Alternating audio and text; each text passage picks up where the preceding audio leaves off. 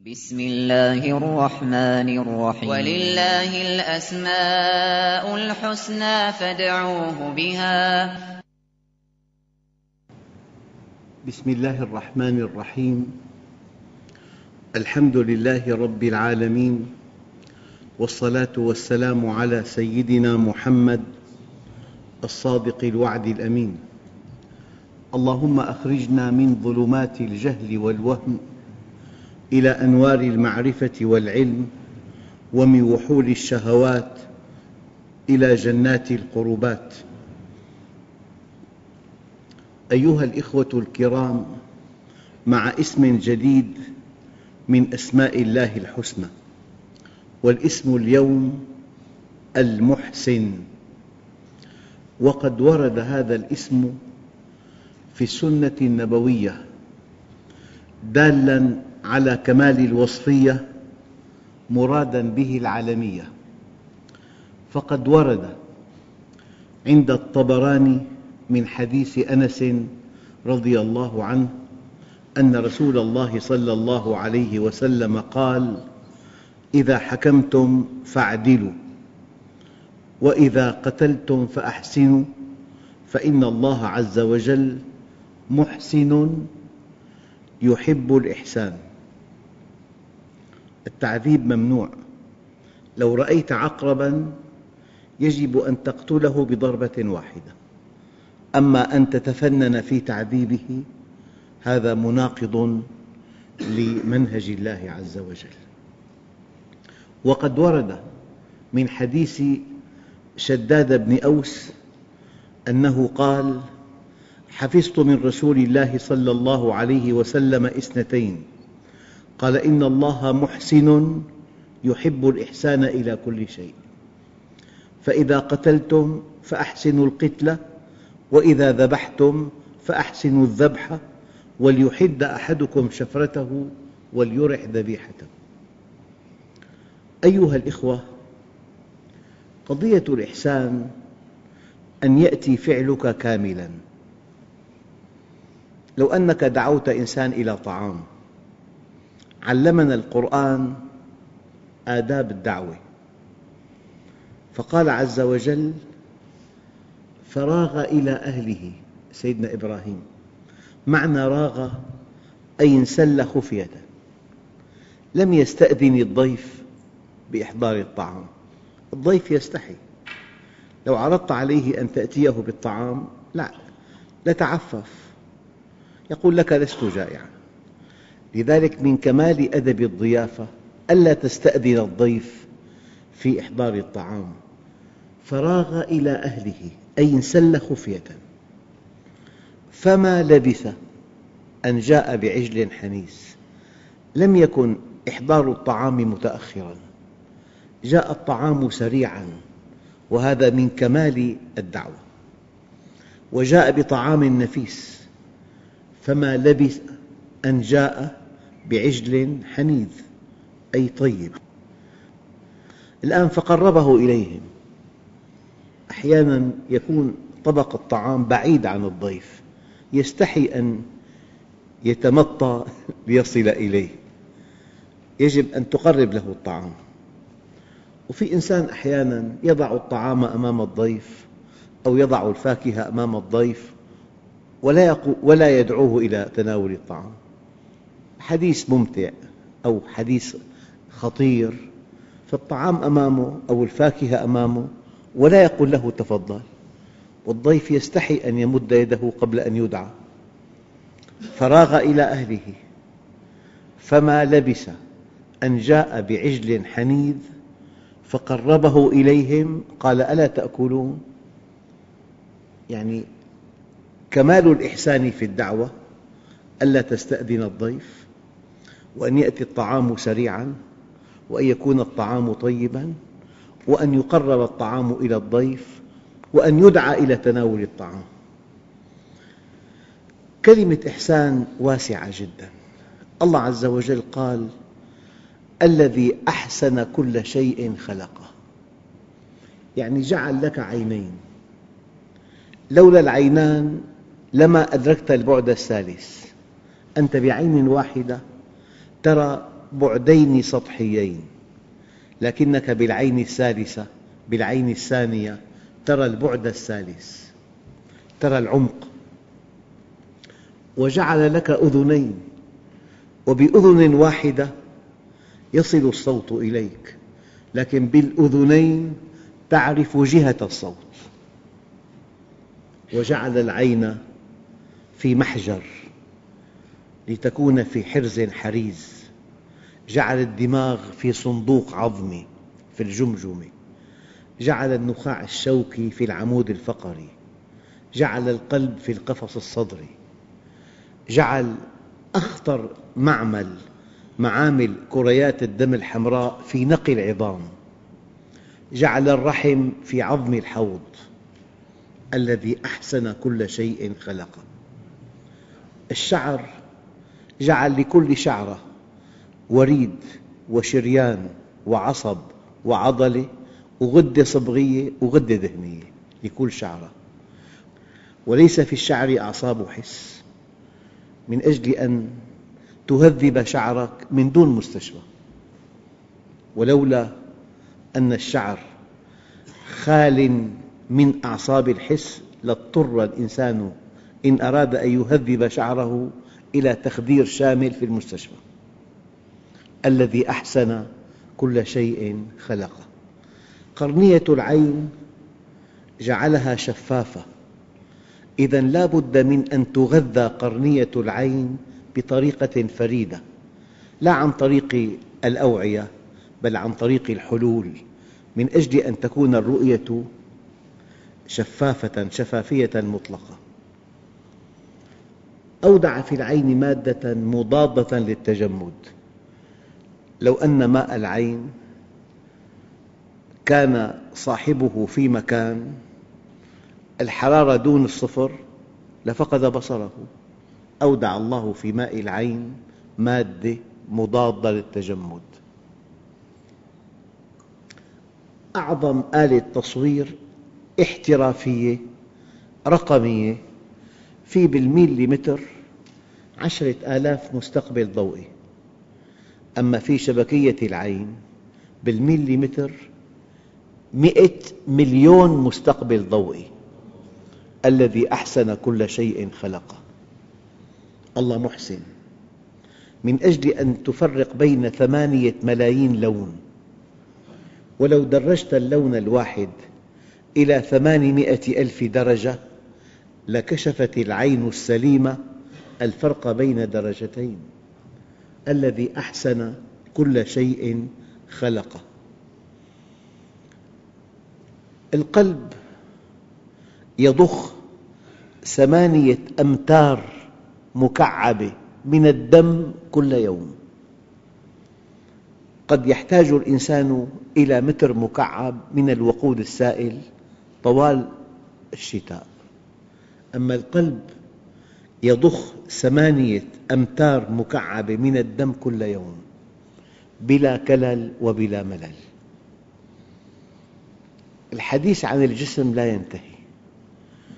المعدة الأمعاء الدقيقة الكليتان جهاز التصفية العضلات الملساء. والمخططة والإرادية واللا إرادية والأوعية. الشرايين عميقة والأوردة سطحية. لو عكست الآية وجرح الإنسان لخسر دمه كله. الشريان ذهاب الدم إلى الجسم في نبض. حدثني طبيب جراح قطع معه في أثناء عمل جراحي شريان. أقسم لي أن الدم وصل إلى سقف الغرفة من الضغط. فالأوعية خارجية أما الشرايين عميقة. لو دققت في خلق الإنسان لوجدت العجب العجاب. يعني أنت حتى في الحواس الخمس إنا كل شيء خلقناه بقدر. كأس الماء لو رأيت ما فيه من بكتريات لما شربته. جعل للبصر عتبة لا ترى أكثر مما ينبغي أن تراه ولا تسمع أكثر مما ينبغي أن تسمعه. إنا كل شيء خلقناه بقدر. لذلك كلمة محسن محسن في خلقه محسن في التصميم محسن في الأجهزة محسن في الحواس محسن في قوام الإنسان. هذا المفصل داخلي. أما الركبة خارجي. تصور العكس. تصور لو لم يكن هذا المفصل كيف يأكل الإنسان؟ يجب أن يأكل كالهرة تماماً. ينبطح ويتناول الطعام بلسانه من الطبق مباشرة. ما في حل ثاني لقد خلقنا الإنسان في أحسن تقويم. انظر إلى التفاحة بحجم مناسب وبقوام مناسب وبرائحة مناسبة وبشكل مناسب وبمحتويات مناسبة فيها حديد فيها سكر فيها معادن فيها كالسيوم فيها مغنيسيوم. لقد أحسن كل شيء خلقه. لذلك المحسن شيء دقيق جدا. المحسن اسم فاعل من أحسن. أحسن يحسن إحسانا فهو محسن. والحسن ضد القبح. وحسن الشيء زينه. يعني تصور إنسان بلا جلد. منظره لا يحتمل. تماماً كبيت على الهيكل. أما كسوة البيت آه، الطلاء النوافذ الأرض الأساس الذي أحسن كل شيء خلقه. تصور بلا شعر الإنسان. شعر وجلد والجلد آه، متماسك والأعضاء متناسقة.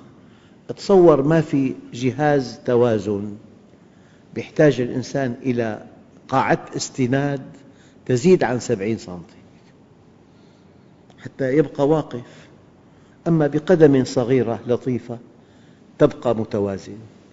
التوازن سره في أجهزة التوازن في الأذن. ثلاث قنوات فيها سائل فيها أهداب وأي ميل السائل يبقى مستوي فبمس أهداب من جهة معينة تدرك أنت أنه صار في خلل بالتوازن تصحح الوضع.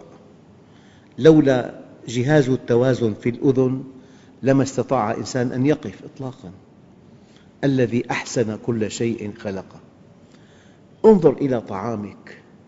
لو أن المحاصيل القمح والشعير والعدس والحمص تنضج تباعاً كالفواكه. شيء لا يحتمل. تمسك سنبلة سنبلة. يا ترى نضجت؟ كي تقطعها. المحاصيل تنضج في وقت واحد. لو أن الفواكه تنضج في وقت واحد. مستحيل. حقل البطيخ يعطيك لتسعين يوماً. على مدى أشهر الصيف. كل الفواكه والخضروات تنضج تباعاً الآن لو أن كل الفواكه يبدأ نضجها في وقت معين شيء صعب كثير. تبدأ بفاكهة بعد شهر فاكهة ثانية. آخر شيء العنب بالخريف قبله التين قبله الإجاص قبله الدراق قبله الكرز. أيضاً الفواكه موزعة في الصيف توزيع مريح.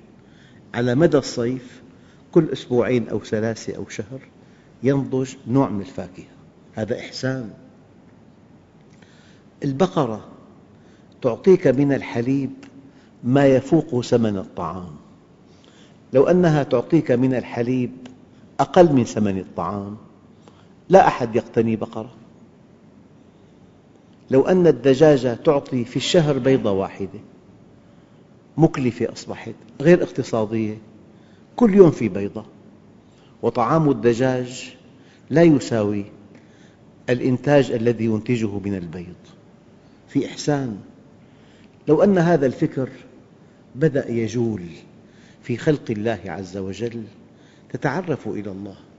لذلك أرقى عبادة هي التفكر إن في خلق السماوات والأرض واختلاف الليل والنهار لآيات لأولي الألباب الذين يذكرون الله قياماً وقعوداً وعلى جنوبهم ويتفكرون في خلق السماوات والأرض ربنا ما خلقت هذا باطلاً سبحانك فقنا عذاب النار يعني أنت في معك جهاز مناعة عبارة عن جيش جيش بكل معاني الكلمة. في خمس فرق. فرقة الاستطلاع. فرقة مهمتها استخباراتية فقط. يدخل الجرثوم إلى الجسم. تتجه كريات بيضاء من فرقة الاستخبارات وتأخذ شفرة الجرثوم. ولا تقاتله. تأخذ هذه الشفرة إلى مركز صنع المصول إلى مركز معامل الدفاع بالعقد اللمفاوية وتعطي العقد تركيب الجرثوم شفرته الكيماوية. هذه المراكز معامل, معامل أسلحة تصنع المصل المضاد لهذا الجرثوم. والعقد اللمفاوية تشكل معامل للسلاح والفرقة الاستطلاعية تشكل جهاز المخابرات في الجسم. الآن في عندنا فرقة المقاتلين الفرقة الثالثة. هذه الفرقة تحمل المصل المضاد وتتجه إلى الجرثوم. تقاتله. ينشب بينهما قتال وقد ينتصر الجرثوم وقد لا ينتصر. الآن في عندنا فرقة رابعة فرقة الخدمات. هذه فرقة تنظف أرض المعركة. وتدفن الجثث وأحياناً الإنسان يرى آه، كتلة بيضاء في جلده هي أثر معركة بين الجراثيم وبين كريات الدم الحمراء. تصميم من؟ فرقة خامسة فرقة المغاوير. هذه الفرقة تكتشف الخلية السرطانية في وقت مبكر جداً وتلتهمها. وفي بالإنسان ملايين ملايين الخلايا السرطانية. لكن لكل خلية سرطانية قامع يمنعها أن تكون فعالة. وهناك أشياء تفك هذا القامع كالشدة النفسية والمواد البترولية والمواد البلاستيكية والإشعاع النووي. هي أسباب السرطان. يعني جهاز مناعة مكتسب مذهل. يعني الدماغ موضوع في صندوق عظمي بين الدماغ والصندوق سائل. هذا السائل من أجل امتصاص الصدمات. لو أن طفلاً وقع على رأسه هذا الاهتزاز الشديد السائل يوزعه على كامل مساحة الدماغ. يبقى الطفل سليماً. يعني التفكر في خلق السماوات والأرض يجعلك تقف وجها لوجه أمام عظمة الله عز وجل أمام الإحسان. لذلك الله عز وجل يصف نفسه عن طريق نبيه بأنه محسن كاسم أما كفعل الذي أحسن كل شيء خلقه.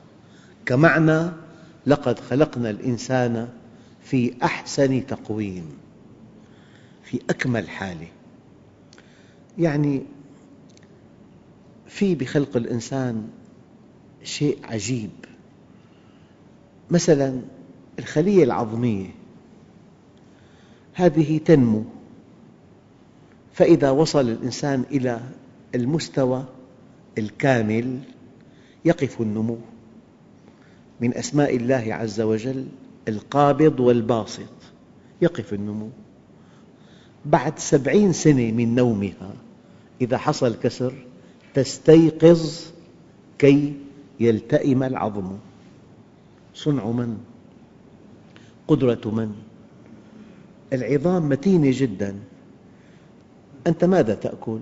تأكل الحليب فإذا به عظم عنق الفخذ يتحمل قوة ضغط تساوي تقريبا 250 كيلوغرام.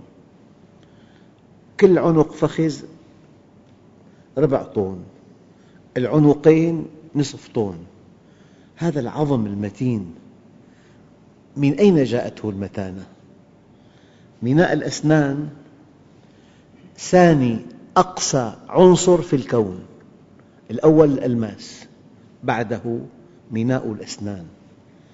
من أين جاءت هذه القساوة؟ أيها الأخوة هذا من كمال خلق الله. لقد خلقنا الإنسان في أحسن تقويم الآن أنت أيها الإنسان من أجل أن تتخلق بكمال مشتق من كمال الله ينبغي أن تكون محسناً. لذلك قال الله عز وجل ومن يسلم وجهه إلى الله وهو محسن فقد استمسك بالعروة الوثقى كما أن الله محسن إليك منحك نعمة الإيجاد ومنحك نعمة الإمداد ومنحك نعمة الهدى والرشاد. ينبغي أنت أن تكون محسناً. وكلمة محسن هي ألصق صفة بالإنسان المؤمن. محسن في كلامه ما في بذاءة ما في تهجم ما في سخرية ما في فحش ما في طرف قبيحة محرجة تحمر الوجه كلام منضبط. محسن في تصرفاته محسن في زيارته محسن في قيادة مركبته محسن في تنظيم عمله. الإحسان صفة الواحد الديان. وكل إنسان مؤمن ينبغي أن يشتق هذه الصفة من الله عز وجل. يعني محسن في تربية أولاده محسن في علاقاته محسن في مواعيده محسن في دعواته محسن في أفراحه محسن في أحزانه. إحسان يعني صفة جامعة مانعة. فكما أنك تكشف إحسان الله من خلال خلقه يجب أن تكون أنت محسناً تجاه الخلق.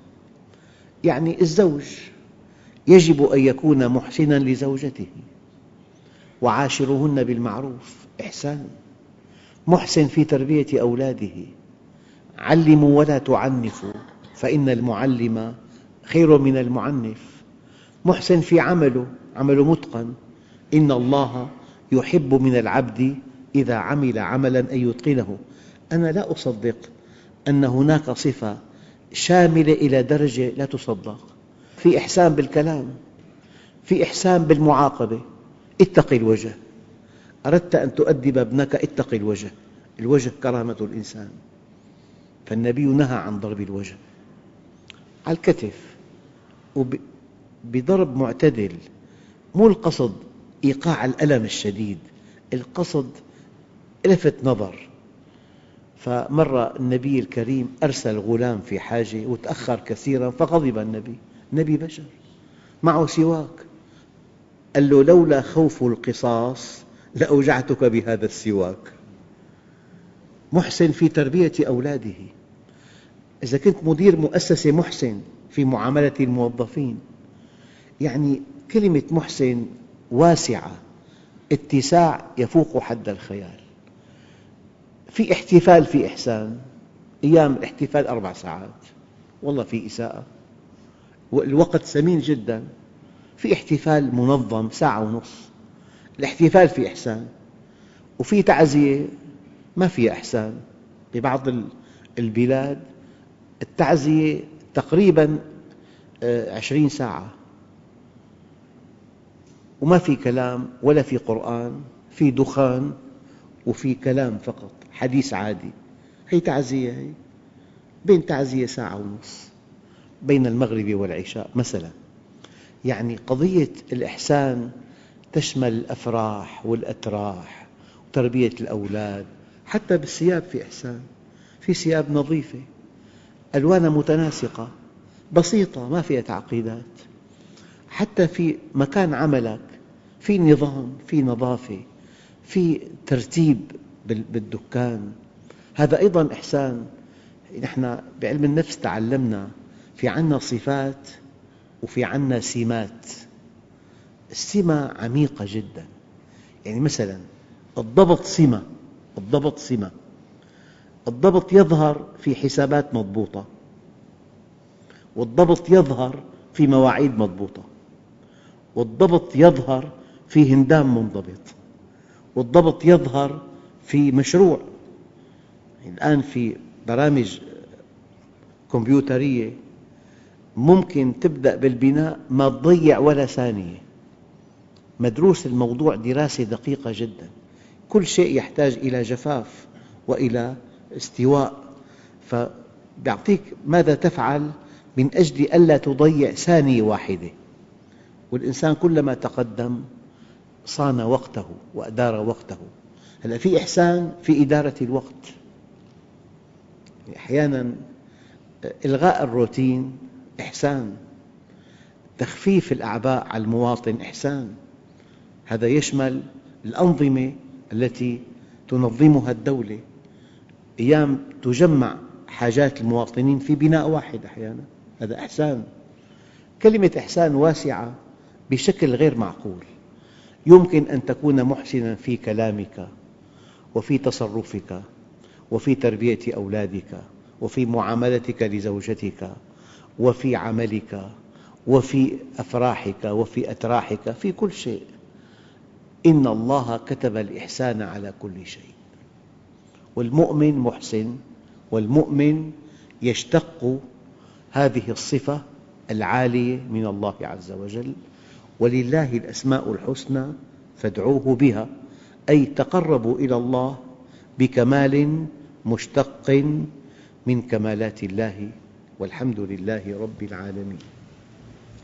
بسم الله الرحمن الرحيم. الحمد لله رب العالمين. والصلاة والسلام على سيدنا محمد الصادق الوعد الأمين. اللهم أعطنا ولا تحرمنا أكرمنا ولا تهنا آثرنا ولا تؤثر علينا أرضنا وارض عنا. وصلى الله على سيدنا محمد النبي الأمي وعلى آله وصحبه وسلم والحمد لله رب العالمين الفاتحة